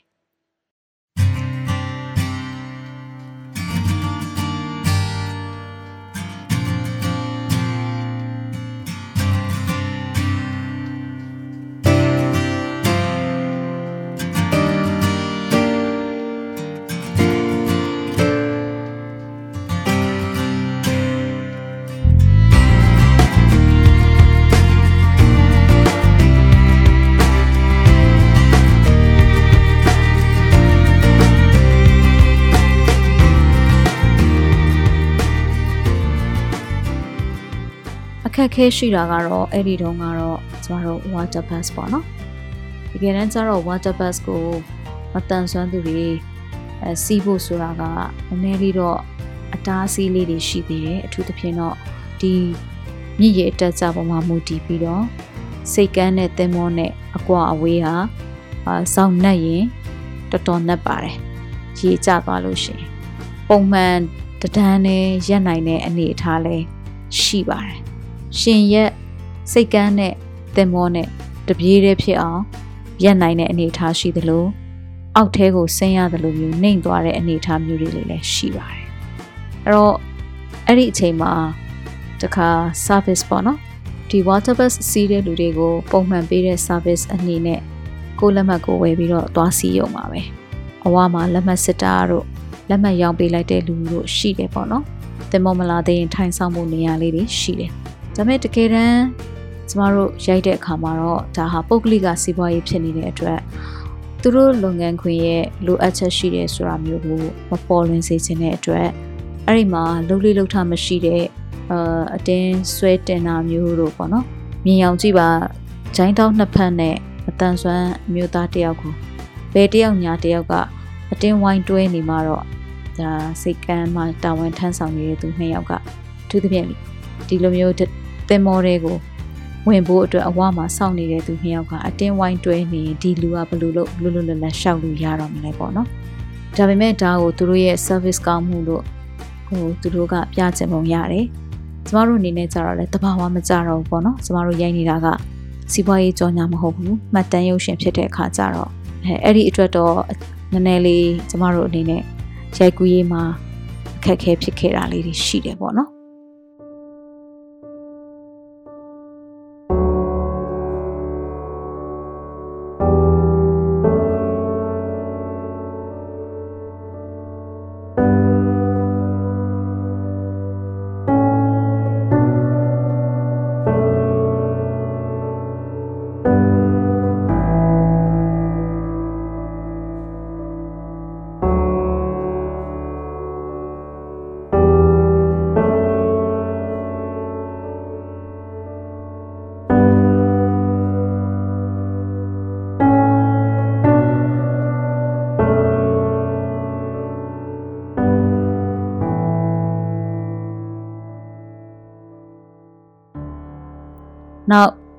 မြမမီရထားဆိုလို့ရှင်လဲကျမတို့တွေမှာက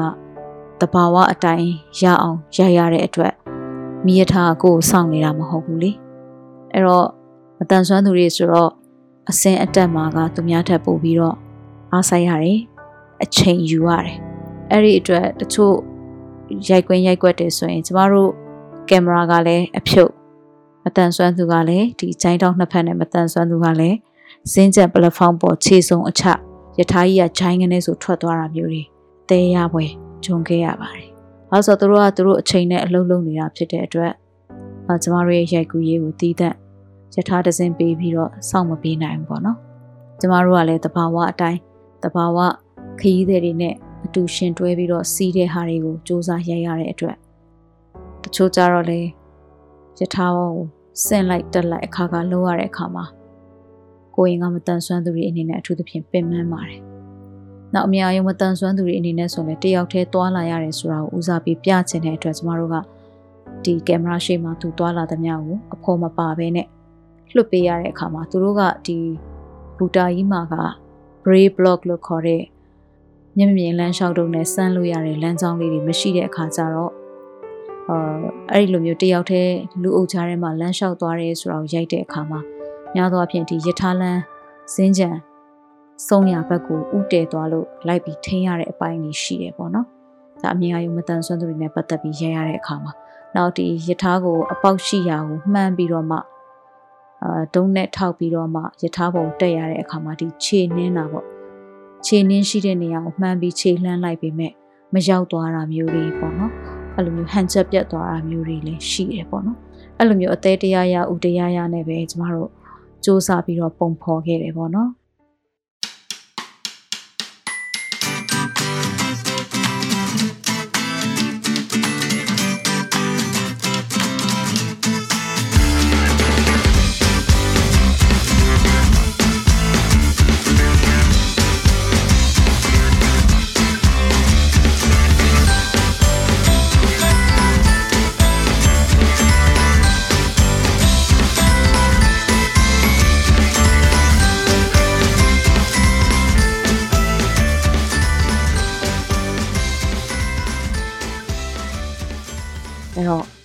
တူတူခရီးသွားကြပါစို့ပေါ့ဒီလိုအထိပ္ပယ်ရတဲ့မတန်ဆွမ်းမှုအမျိုးအစားလဲစုံအောင်ကျမတို့ဉာဏ်ရည်မတန်ဆွမ်းကိုယ်အင်္ဂါမတန်ဆွမ်းအမြင်အယုံမတန်ဆွမ်းကြားအယုံမတန်ဆွမ်းလေးမျိုးစလုံးလည်းကျမစူးစမ်းပြီးတော့ပါအောင်ရိုက်ခဲ့တယ်ဒီမှာကျမတို့စာရန်ထိုးတဲ့အပြင်လက်သင်္ကေတပြဘာသာပြန်ကိုလည်း screen ရဲ့ညာဘက်ထောင်အောက်ကလေးမှာကျမတို့ထည့်ပေးထားတယ်အဲ့တော့ဒီရုပ်ရှင်ကားအပြင်ကျမတို့မတန်ဆွမ်းမှုလေးမျိုးစလုံးရဲ့အများပြည်သူသုံးရင်းနေ စီးပြီးတော့ခရီးသွားရတဲ့အခါမှာဘယ်လိုဒုက္ခအခက်အခဲတွေရှိသလဲဘယ်လိုမျိုးဝန်ဆောင်မှုတွေလိုအပ်သလဲဆိုတာတွေကိုကျမတို့တတိချာချာလေ့လာတွေ့ရှိခဲ့ရတယ်။ဒီကနေပြီးတော့မှကျမ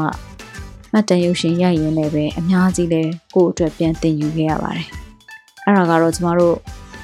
တနေ့လုံးရိုက်ကူးရေးလုပ်ကြတဲ့အခါမှာကျမတို့တဘာဝကြောက်မှုကိုဦးစားပေးတဲ့အခါမှာလဲတခါလေမှကျမတို့လက်ဟာသွားတာက အာကျမတို့ထဲ့မစင်စားခဲ့မိတခြားပိုင်းနေပေါ့နော်ဥပမာကျမတို့ဒီလိုင်းကားတစီးနဲ့တောက်လျှောက်မတန်ဆွမ်းသူတွေအတက်အဆင်းလောက်တာတွေကိုမှတ်တိုင်ခတ်ခြားခြားတွေပေါ့နော်ဥပမာကျမတို့ချမ်းရှင်းစုံရက်လိုနေရာမျိုးတွေဥပမာမြင်းကြီးကုန်းတို့စိုက်ပျိုးရေးတို့စသဖြင့်အဲ့လိုစုံရက်လိုနေရာမျိုးတွေမှာကျမတို့အစင်စင်ချင်းပြီးတော့စောင့်ဆိုင်ခိုင်းပြီးတော့မှရိုက်တဲ့အခါမှာကျမတို့ရိုက်ကူးရေးကလည်းအချိန်ယူရတာရယ် စောင့်ဆိုင်ရတဲ့သူတွေကလည်းနေပူကြီးတဲ့ကားမှတ်တိုင်ထဲမှာစောင့်ပြီးတော့မှဒီဇက်ဝင်ခံအတွက်အသင့်ပြင်ဆင်နေရတာရယ်ဆိုတော့ကြာလာတဲ့ခါကျတော့ဘိုက်တွေစားကုန်ကြတယ်လူတွေပင်ပန်းကုန်ကြတယ်တကယ်ရိုက်တဲ့အခါမှာလူတွေကနွမ်းနေနေကြတယ်ပေါ့နော်အဲ့လိုပုံစံမျိုးတွေလည်းတွေ့ရတဲ့အတွက်ဒါကျမတို့ရိုက်ကူရေးလုပ်တဲ့အခါမှာလည်းကိုယ့်ရဲ့ရုပ်ရှင်ကောင်းဖို့လည်းစဉ်းစားရတယ်လို့တခြားတစ်ဖက်မှာလည်းဖြစ်နိုင်ခြေရှိတဲ့အခက်အခဲတွေကိုလည်းထည့်သွင်းစဉ်းစားရမယ်ဆိုတော့ကျွန်မကောင်းကောင်းသဘောပေါက်ခဲ့တယ်ပေါ့နော်။ ဒါကြောင့်မို့လို့ဒီလိုမျိုးအသိပညာပြီးမှတ်တမ်းတူတွေဇလန်းတူတွေရိုက်ချင်းရလဲကျမတို့အတွက်အစ်အစ်သောအတွေ့အကြုံတွေအစ်အစ်သောတွေးခေါ်ဆင်ခြင်နိုင်မှုတွေကိုအမြဲတမ်းပေးရပေါ့နော်။ဒါကလည်းအသိပညာပေးတကားရိုက်ပြီးဆိုလို့ရှိရင်အဲဒီကရတဲ့အတွေ့အကြုံကနေနောက်တစ်ချိန်ရိုက်တဲ့အခါမှာဘာတွေကြိုတင်စဉ်းစားတဲ့လဲဘာတွေပြင်ဆင်တဲ့လဲဘာတွေလိုအပ်နိုင်တယ်လဲဆိုတာကိုကျမတို့ကောင်းကောင်းတွေးနိုင်ဖို့အတွက်အတွေ့အကြုံကောင်းတွေကိုရရှိစေခဲ့ပါတယ် Thank you.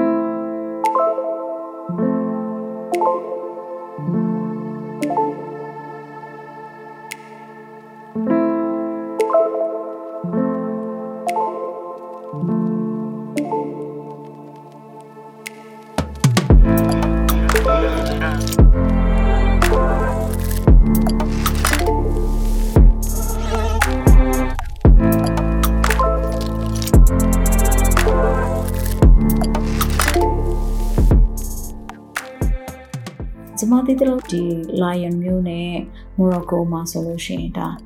accessible travel and tour တွေလုပ်ဖြစ်တဲ့နေရာဖြစ်ပါတယ်။ဘာလို့လဲဆိုတော့တမျိုးလုံးကိုမတန်ဆွမ်းသူတွေအတွက်အကောင်းဆုံးမြူထွက်သွားလာနိုင်အောင်လို့စီမံပေးထားတာဖြစ်တယ်။အဲ့တော့ကျမတို့မြင်ရတာဆိုလို့ရှိရင်ဒီကိုအိမ်နဲ့အနည်းဆုံးမှာရှိတဲ့ mini market ကလေးတွေအဲ့လိုမျိုး supermarket လေးတွေမှာ မတန်ဆွမ်းသူတွေ electric wheelchair နဲ့ပဲကိုယ်တိုင်လာပြီးတော့ဈေးဝယ်တာမျိုးတွေ့ရတယ်။နောက်ပြီးတော့တော်ရုံတန်ရုံ mobility အတွက်ဆိုလို့ရှိရင်အများစုကဘာကိုသုံးလဲဆိုတော့ metro ဆိုတဲ့ဒီကျမတို့မြေအောက်ရထားတွေစီးကြတယ်။အာနောက်ပြီးလို့ရှိရင် tram လို့ခေါ်တဲ့ဒီတက်ရထားတွေပေါ့နော်။ရထားလမ်းလိုမျိုးကားလမ်းပေါ်မှာတန်လမ်းမနဲ့သွားတယ်။တက်ရထားတွေရှိတယ်။နောက် bus ရှိမယ်။ ပြီးလို့ရှိရင်ကျမတို့ subway ပေါ့နော် bike ရှိမယ်နောက် scooter လေးတွေရှိတယ်စကူတာလေးတွေကတော့ခြေတစ်ချောင်းချပြီးတော့မှအာလှိမ့်သွားတဲ့ဟာမျိုးလေးတွေပေါ့နော်ကျမတို့အရှိန်နဲ့သွားတဲ့ဟာမျိုးလေးပေါ့စကူတာကိုတော့မှတချို့ဆိုရင်နှစ်ယောက်စီးတာမျိုးတွေအထိကျမတို့မြင်ဘူးတယ်ပေါ့နော်စကူတာတစ်ခုကိုနှစ်ယောက်စီးပြီးတော့မှသွားတာမျိုးလေးတွေကစာထူးထူးဆန်းဆန်းမြင်ဘူးတယ်အဲ့တော့တော်တော်များများကဒီတယောက်နှစ်ယောက်လောက်သွားတာလောက်ကိုတော့ scooter တို့ bike တို့လောက်ပဲစီးလိုက်တဲ့အတွက်ကြောင့်မလို့ အာဒီအထူးသဖြင့်ရုံးတက်ချိန်ကြောင်းတက်ချိန်လို့အချိန်မျိုးမှဆိုလို့ရှိရင် traffic jam ကမဖြစ်ဘူးတော်တော်များများကလမ်းလျှောက်လို့ရတဲ့သူတွေကလမ်းလျှောက်ကြတယ်။ဘတ်စီးဖို့လိုတဲ့လူတွေကစီးတယ်။ bike လောက်နဲ့သွားလို့ရတဲ့လူတွေကကိုယ်ပိုင်ဒါမှမဟုတ်ဒီအစိုးရကငှားပေးထားတဲ့ bike လေးတွေနဲ့စီးပြီးတော့မှကိုလိုရ destination ပေါ့နော်ဒီကိုလိုရနေရာလေးတွေမှာသွားပြီးတော့မှဒီ bike အပ်လို့ရတဲ့နေရာလေးတွေမှာအနည်းဆက်ဆုံးအပ်ပြီးတော့မှ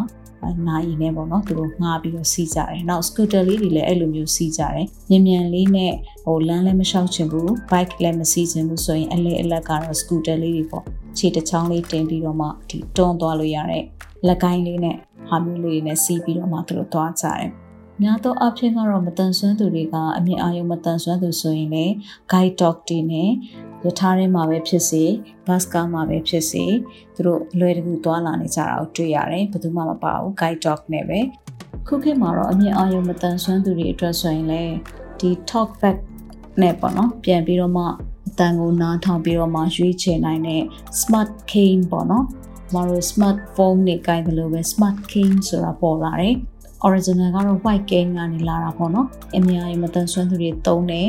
လက်ကင်တုပ်ကလေးတွေကို white cane လို့ခေါ်တယ်40ချိုး30ချိုးစသဖြင့်ရှိတယ်အာပြီးလို့ရှိရင်အဲ့ဒါဝင်ပါမှသူက digital နည်းပညာနဲ့ပေါင်းစပ်လိုက်တဲ့အခါမှာ smart game ဆိုပြီးတော့မှဖြစ်လာတယ်။များသောအားဖြင့်တော့သူက low vision တွေအတွက်ပေါ့နော် mapping လုပ်တဲ့အပိုင်းမှာအဆင်ပြေတယ်အထူးသဖြင့် Google Map ကနေအသုံးပြုပြီးလမ်းကြောင်းရွေးသလိုပဲဒီ smart game ကနေပြီးတော့မှဒီလမ်းကြောင်းလေးတွေကိုရွေးပြီးတော့မှ အတန်ကနေပြီးတော့မှဥဆောင်ပြီးတော့လမ်းပြသွားတဲ့ပုံစံမျိုးတွေနဲ့ကိုလိုရာနေရာကိုရောက်အောင်တွားကြတာမျိုးတွေရှိရခုခေတ်မှာဆိုရင်တော့ we walk ဆိုတဲ့ smart gain တွေလည်းကျမတို့ပေါ်လာပြီပေါ့နော်အဲ့တော့ white gain သုံးပြီးတော့မှ guide dog နဲ့တွားလာတဲ့သူတွေဆိုလို့ရှိရင်လေကားပေါ်တက်လိုက်တာနဲ့ခွေးကလည်းနေရာယူတတ်တယ်များသောအားဖြင့်ဒီအများရမတန်ဆွမ်းသူထိုင်တဲ့ ခုံအောင်မှာခွေးကဝင်ပြီးတော့မှနေရာယူတယ်ဒါပေမဲ့ခွေးကနည်းနည်းအကောင်ကြီးလို့ရှင်တော့သူ့ရဲ့ခြေတွေလက်တွေကနည်းနည်းလေးအများပြည်သူရက်စီးတဲ့နေရာမျိုးမှာပေါ်နေတတ်တာပေါ့ထွက်နေတတ်တာပေါ့အဲ့ဒါမျိုးဆိုရင်တော့တခါလေးတဲ့လူတွေကသွားရင်လာရင်နဲ့သူတို့စီးထားတဲ့ဖနက်တွေကထူနေတဲ့ဟာမျိုး dog nut တို့ shoe nut တို့ရှိတဲ့အခါမျိုးဆိုလို့ရှိရင်ဒီခွေးလေးရဲ့လက်သေးလေးတွေခြေသေးလေးတွေအမီလေးတွေကိုလည်း ဟိုတက်နေကောင်းနင်းသွားနိုင်တယ်ပေါ့နော်ဒါပေမဲ့ခွေးကလုံးဝရှမ်းမလုပ်ဘူးဟိုသေချာလေး train ထားတဲ့အတွက်ကြောင့်မလို့သူကသူလေးရှောင်ပြီးတော့နေတယ်သူဆင်းရမယ့်နေရာရောက်တဲ့ဆိုရင်လည်းသူသခင်နဲ့အတူတူဆင်းသွားတယ်ပေါ့နော်အဲ့လိုမျိုးပုံစံလေးရှိတယ်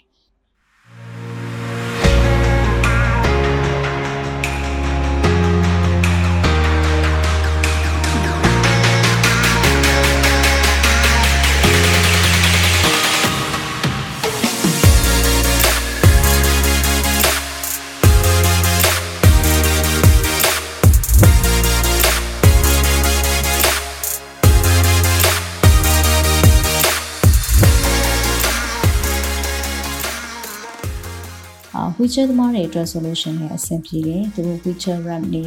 electronic wheelchair ramp တွေပါတယ်သူတို့ wheelchair ramp တွေချပေးလိုက်တာနဲ့ electronic wheelchair user တွေကသူတို့ကတက်လာတယ်ပြီးလို့ရှိရင်သူတို့အတွက် space တစ်ခုသတ်မှတ်ထားတာရှိတယ်အဲဒီ space မှာသူတို့ဆင်းပေါင်းနဲ့နီးတဲ့နေရာပေါ့နော်အဲဒီမှာတွားပြီးတော့မှသူတို့ lock ချထားတာမျိုးတို့ပေါ့နော်အနည်းဆုံးကင်ထားတာမျိုးတို့ဒါမျိုးလေးနဲ့သူတို့စီးကြတယ်သူတို့ဆင်းမဲ့မှတ်တိုင်အောင်လို့ရှိရင်ဒီ feature ပုံစံပါတဲ့ button လေးကိုနှိပ်ပြီးတော့မှအတိပေးလိုက်တယ်ဆိုလို့ရှိရင်ရောက်တဲ့နေရာမှာ feature RAM ကိုဆင်းတဲ့နေရာမှာချပေးလိုက်တယ်ဒါတော့သူ electronic feature လေးနဲ့ဆင်းသွားရုံပဲ platform တွေအားဖြင့်ဆိုလို့ရှိရင်အားလုံးကညီညာပြည့်ဖြစ်တယ်မိ point တွေမှာဆိုရင်မိမိဖြတ်ကူးမဲ့မိ point မှာတွားပြီးတော့မှ comment ပေးထားလို့ရတယ် သက်ဆိုင်ရာမိ point ရဲ့ comment ပေါ်မှာမူတည်ပြီးတော့မှမိ point ကိုမိနီပေးတယ်မိနီပေးပြီဆိုလို့ရှိရင်သူ့အနေနဲ့ ACC လန်ကူလို့ရတယ်ပေါ့နော်ဒါကတော့တာမန်လန်သွားတဲ့သူတွေလည်းဖြတ်ကူးဖို့အတွက်ဆိုလို့ရှိရင်ကိုယ့်အကိုခလုံးနှိပ်ပြီးတော့မှစောင့်ပြီးကူလို့ရတယ်။ဘာလို့လဲဆိုတော့ကျမတို့စီမှာဆိုလို့ရှိရင်အများသောအားဖြင့်ဒီတိုင်းဟိုကားရှင်းဖြတ်ပြေးပြီးကူးကြတာများတယ်ပေါ့နော်။သူတို့နိုင်ငံနေမှာတော့အဲ့လိုမဟုတ်ဘဲနဲ့ကားရှင်းနေရုံတော့ကိုကခလုံးနှိပ်ပြီးတော့မှ ကိုကိုစိုင်းပြတော့မှကူးတာကိုပဲလုပ်တယ်ပေါ့နော်ဘလောက်ကားရှင်းရှင်းနောက်ကျမဆိုလို့ရှိရင်ဒီညင်ရီမတန်ဆွမ်းတွေကိုယ်တိုင်အာယထာစီတာမြင်ဘူးတယ်လုံးဝမိဘအဖို့မပါဘူးအသက်အားဖြင့်ဆိုရင်အလုံးစုံရှိရင်73လေးနှစ်ပေါ့နော်အဲ့ဒီအရွယ်လေးတယောက်ယောက်ျားလေးသူစီးတာတွေ့ဘူးလေဒါနဲ့ကျမတို့အကဲခတ်တယ်ပေါ့နော်သူဘာကြောင့်အဖို့မပါဘဲနဲ့စီးနိုင်လဲဆိုတာကျမတို့အကဲခတ်တဲ့အခါကျတော့များသောအားဖြင့်ကျမတို့ဒီ technical လိုမျိုးပေါ့နော်လိမ်မော်ရောင်တောက်တောက်တို့ ဖတ်ဖူးရောင်တောက်တောက်တို့အဲ့လိုအရောင်မျိုးလေးနဲ့သူ့ရဲ့လက်မှာတရေလက်ပတ်တစ်ခုကျမတွေ့တယ်အဲ့ဒီတရေလက်ပတ်တစ်ခုမှာနာမည်ရေးထားတယ်ကျမလည်းသိချင်တာနဲ့အဲ့ဒီနာမည်ကိုရှာကြည့်တဲ့အခါကျတော့သူကအာမခံကုမ္ပဏီတစ်ခုဖြစ်နေ။ဘာလို့လဲဆိုတော့ဒါလာသူလဲ smart လက်ပတ်တစ်ခုလို့လို့ကျမခံမှန်းမိတယ်ပေါ့နော်။ဘာလို့လဲဆိုတော့ဒီလက်ပတ်ကနေပြီးတော့မှသူ့ကိုထားပါတော့ internet ကနေပြီးတော့မှခြေရခံတာပဲဖြစ်ဖြစ်သူ့ရဲ့ location ကိုသိအောင်လုပ်တာလည်းဖြစ်ဖြစ် အထူးသဖြင့်တော့သူ့ရဲ့တကူရီသွားလာမှုကိုအာမခံယူထားတာမျိုးပေါ့နော်။အဲ့လိုမျိုးပုံစံမျိုးနဲ့ညင်ရီမတန်ဆွမ်းနေကိုယ်တိုင်က metro တွေစီးပြီးတော့မှကိုဆင်းကျင်တဲ့နေရာကိုကိုဟာကိုဆင်းပြီးတော့မှတယောက်တည်းလေးလွတ်လပ်သွားလာတာမျိုးတွေ့ရတယ်ပေါ့နော်ဒါကတော့ကျွန်မတွေ့ခဲ့တာ Down syndrome ဆိုတော့ဒီပုံစံအတိုင်းဆိုလို့ရှိရင်ကျမတို့ကငကိုတော့ကညီမပြည်အနေထားနဲ့နားလည်ထားတာကညရင်မတန်ဆွမ်းဆိုလို့ရှိရင်ဒီလိုမျိုး public transportation တွေ စီးမယ်ဆိုလို့ရှိရင်အာမိခင်တမမဟုတ်ဆောင်းလျှောက်တဲ့သူတယောက်ယောက်ပါရမယ်လို့ကျွန်မနားလည်ထားပြီးမြဲအဲ့ဒီမှာကျတော့နည်းပညာကတော်တော်အစွမ်းထက်တယ်ဆိုတာကျွန်မသဘောပေါက်သွားတယ်ပေါ့နော်အဲသူတို့ကဒါ digital နဲ့ပဲခြေရခံတဲ့သဘောမျိုးနဲ့လောက်ထားလားတော့မပြောတတ်ဘူးပေါ့နော်ဒါပေမဲ့ဒါကအာမခံကုမ္ပဏီတစ်ခုကနေပြီးတော့မှဒီဝန်ဆောင်မှုကိုပေးနေတာမျိုးကိုကျွန်တော်တို့တွေ့ရတယ်ပေါ့နော်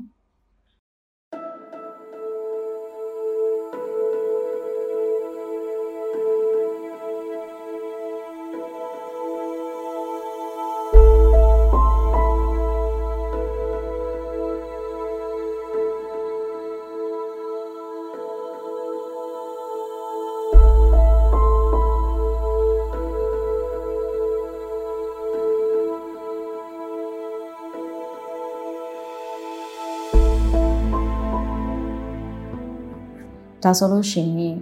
အမြင်အာရုံမတန်ဆွမ်းသူအတွက်ရောညံရည်မတန်ဆွမ်းသူအတွက်ရောကိုယ်ရင်ကမတန်ဆွမ်းသူအတွက်ရောအလွယ်တကူသွားလာနိုင်တယ်။နောက်အစားအယုံမတန်ဆွမ်းသူတွေအတွက်ဆိုလို့ရှိရင်ဘာမှမသိတာကိုတာမန်လူတွေလိုပဲသွားနေတာဖြစ်တယ်။ဒါပေမဲ့သူတို့အတွက်သိတာအောင်ဘာလုပ်ပေးထားလဲဆိုရင် tram တွေမှာ metro တွေမှာဆိုလို့ရှိရင်လည်းအမြဲတမ်း LED sign board တွေပြထားတယ်။ပြီးလို့ရှိရင် flash light တွေထည့်ပေးထားတာမျိုးရှိတယ်။ ဒါကြောင့်မလို့သူတို့သွားခြင်းတဲ့နေရာနဲ့ပတ်သက်ပြီးတော့မှသူတို့အတွက်အလွယ်တကူသွားတယ်။ဒါကြောင့်မလို့စကားမပြောဘဲနဲ့ဒီဝင်ထွက်သွားလာနေတဲ့သူတွေကဘယ်သူကအကြရုံမတန်ဆွမ်းတယ်လဲဆိုတော့တောင်းတန်းကိုမသိနိုင်ဘူးပေါ့။ဒါပေမဲ့သူတို့အတွက်တကယ်ပဲလုံလောက်တဲ့စီမံမှုတွေရှိနေတာတွေ့ရတယ်။ bus car gate မှာဆိုလို့ရှိရင်အမြဲတမ်း LED bulb တစ်ခုရှိတယ်။အဲ့ဒီ LED bulb ကနောက်ထပ်ဘယ်နှမိနစ်အတွင်းမှာဘာကားစိုက်တော့မယ်ဆိုတာကိုကြိုပြီးတော့ပြနေတာဖြစ်တယ်။ ဒါကြောင့်မလို့ကိုစီးမဲ့ကားကဘယ်နှမိနစ်လိုသေးလဲဆိုတာကိုကျမတို့အဲ့ LED ပုတ်ကနေကြည့်လို့ရလို့ကျမတို့ application ကနေ phone application ကနေလည်းဘယ်ကားကဘယ်နှမိနစ်မှာဘယ်မှတ်တိုင်ကိုစိုက်နေဆိုတာကိုကျမတို့ကြိုပြီးတော့ကြည့်လို့ရတာဖြစ်တယ်ဒီလိုမျိုး accessible ဖြစ်တယ်ဆိုတာကလက်လန်းနေရယူသုံးစွဲနိုင်လို့ဆိုတာကအခုလိုမျိုးအစီအမံကောင်းကြီးရှိတာကိုဆွေးနွေးချင်တာဖြစ်ပါတယ်ဒီလိုအစီအမံကောင်းကြီးရှိမှသာလျှင်အတန်ဆွမ်းသူတွေကိုယ်တိုင်ဟာ360ဒီဂရီပတ်ပတ်လဲ သူတို့သွားခြင်းတဲ့နေရာကိုသူတို့ဆန္ဒရှိလို့စိတ်သွားတိုင်းကိုပါနိုင်ဖို့အတွက်ဒီလိုမျိုးအဟန့်အတားတွေမရှိဘဲနဲ့ဒီအဟန့်အတားတွေကိုဖြည့်ပြောက်အောင်ကူညီဆောင်ရွက်ပေးနိုင်တဲ့နည်းပညာတွေအစီအမံကောင်းတွေရှိတယ်ဆိုလို့ရှိရင်အတန်ဆွမ်းသူတွေဟာအများကြီးတူအလွယ်တကူတွားလာလှူရှားနိုင်မှာဖြစ်ပါတယ်။ ဒါကကျမတို့နိုင်ငံအနေအထားနဲ့ဆိုလို့ရှိရင်တော့ဒီလိုဖြစ်ဖို့ကအများကြီးလိုသေးတယ်လို့ပြောလို့ရပေမဲ့တနိုင်လုံးလို့ရနိုင်တဲ့အပိုင်းလေးတွေကလည်းစပြီးတော့မှကျမတို့ကအကောင့်ထဲပေါ်ပေးလို့ရတယ်ဒီအတွက်လည်းတော်တော်များများတန်ဆွမ်းအသင်းဖွဲ့တွေကနေပြီးတော့မှ campaign လေးတွေလုပ်တာမျိုးလေးတွေပြီးလို့ရှိရင်ဒီအကြောင်းအရာနဲ့ပတ်သက်ပြီးတော့မှအသိပညာပေးဗီဒီယိုတွေရိုက်တာမျိုးလေးတွေနဲ့ကျမတို့တက်နိုင်တဲ့ဘက်ကနေ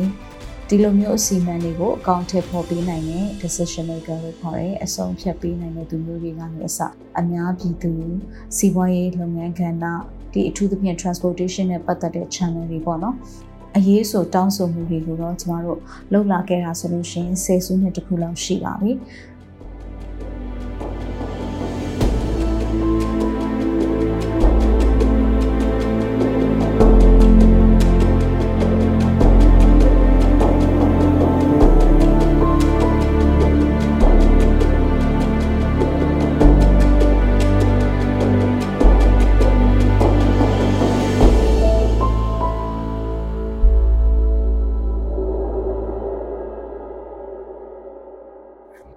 2015ခုနှစ်ဇွန်လ9ရက်နေ့ကပြည်တော်စုလွှတ်တော်ကအတည်ပြုပြဋ္ဌာန်းခဲ့တဲ့မတန်ဆွမ်းသူများ၏အခွင့်အရေးဥပဒေအခန်း9မှာဆိုလို့ရှိရင်လေမတန်ဆွမ်းသူများလွယ်ကူစွာသွာလာနေထိုင်အသုံးပြုနိုင်ရေးဆိုတဲ့ခေါင်းစဉ်နဲ့အပိုက်28မှာအချက်5ချက်နဲ့အထူးကဖော်ပြထားတာကိုတွေ့ရပါတယ်။အဲ့ဒါကတော့အမျိုးသားကော်မတီဟာအများပြည်သူနဲ့သက်ဆိုင်တဲ့နေရာများတွင်မတန်ဆွမ်းသူများလွယ်ကူစွာသွာလာနေထိုင်အသုံးပြုနိုင်ရေးအတွက် သက်ဆိုင်ရာပြည်ထောင်စုဝန်ကြီးဌာနများစီပင်တာယာရေးကော်မတီနဲ့စီပင်တာယာရေးအဖွဲ့များတိုင်းဒေသကြီးသို့မဟုတ်ပြည်내အစိုးရအဖွဲ့များမတန်ဆွမ်းမှုဆိုင်ရာလုပ်ငန်းဆောင်ရွက်နေသည့်အစိုးရမဟုတ်သောအဖွဲ့အစည်းများပုဂ္ဂလိကအဖွဲ့အစည်းများပုဂ္ဂိုလ်များနှင့်ပူးပေါင်းပြီးအောက်ပါအတိုင်းညှိနှိုင်းအကောင့်ထဲပေါ်ဆောင်ရွက်ရမည်ဆိုပြီးတော့ဖော်ပြထားပါတယ်။ ကကြီးအများပြည်သူသုံးအဆောက်အုံနှင့်ဆက်ဆက်ပတ်ဝန်းကျင်ကိုမတန်ဆွမ်းသူများကိုစိတ်နှစ်ပါးလုံခြုံပြီးလွယ်ကူစွာအသုံးပြုနိုင်ရန်အတွက်ပုံစံထုတ်လုပ်မှုနှင့်ပြုပြင်တည်ဆောက်မှုဆိုင်ရာလမ်းညွှန်ချက်များချမှတ်ခြင်းခခွေမတန်ဆွမ်းသူများအထောက်အကူပြု ပစ္စည်းကိရိယာများဖြင့်အလွဲတကူသွာလာနိုင်ရေးအတွက်အများပြည်သူအသုံးပြုသည့်နေရာများတွင် အတားအဆီးများမရှိစေရေးအတွက်ပုံစံများရေးဆွဲတည်ဆောက်ခြင်းကငယ်အများပြည်သူသုံးတည်ယူပို့ဆောင်ရေးရှင်များတွင် မတန်ဆွမ်းသူများလွယ်ကူစွာစီးနှင်းလိုက်ပါနိုင်ရေးအတွက်လိုအပ်သည့်များစီစဉ်ပေးခြင်း ကကြီးလမ်းစုံမီးပွိုင်များလူကူးမြင့်ကြားများနှင့်လမ်းအကွေ့အတက်အဆင်းများတွင်မတန်ဆွမ်းသူများအတွက်အထောက်အကူဖြစ်စေသော အမှတ်အသားများသင်္ကေတများအတန်ပေး၍အချက်ပြသည့်ကရိယာများနှင့်အခြားလိုအပ်သည့်များတက်ဆင်ခြင်းငါအများပြည်သူပိုင်အိမ်ယာဆေးရုံနှင့် စာသင်ကျောင်းစသည့်ရုပ်ဝတ္ထုပတ်ဝန်းကျင်များဆက်သွယ်ရေးတည်င်းပြန်ကြားရေးနှင့်လူထုဆက်သွယ်ရေးကဏ္ဍတို့တွင်မတန်ဆွမ်းသူများလွယ်ကူစွာတွာလာသုံးဆွဲနိုင်ရန်စီစဉ်ပေးခြင်းဒီလိုအချက်၅ချက်နဲ့ဖော်ပြထားတာရှိပါတယ်။ဒါကတော့ကျမအနေနဲ့နားလည်သလောက်လက်လန်းမီအသုံးပြုနိုင်တဲ့တည်ယူပို့ဆောင်ရေးနဲ့ပတ်သက်ပြီးတော့မှမိတ်ဆွေတို့ကိုရှင်းပြခဲ့တာဖြစ်ပါတယ်။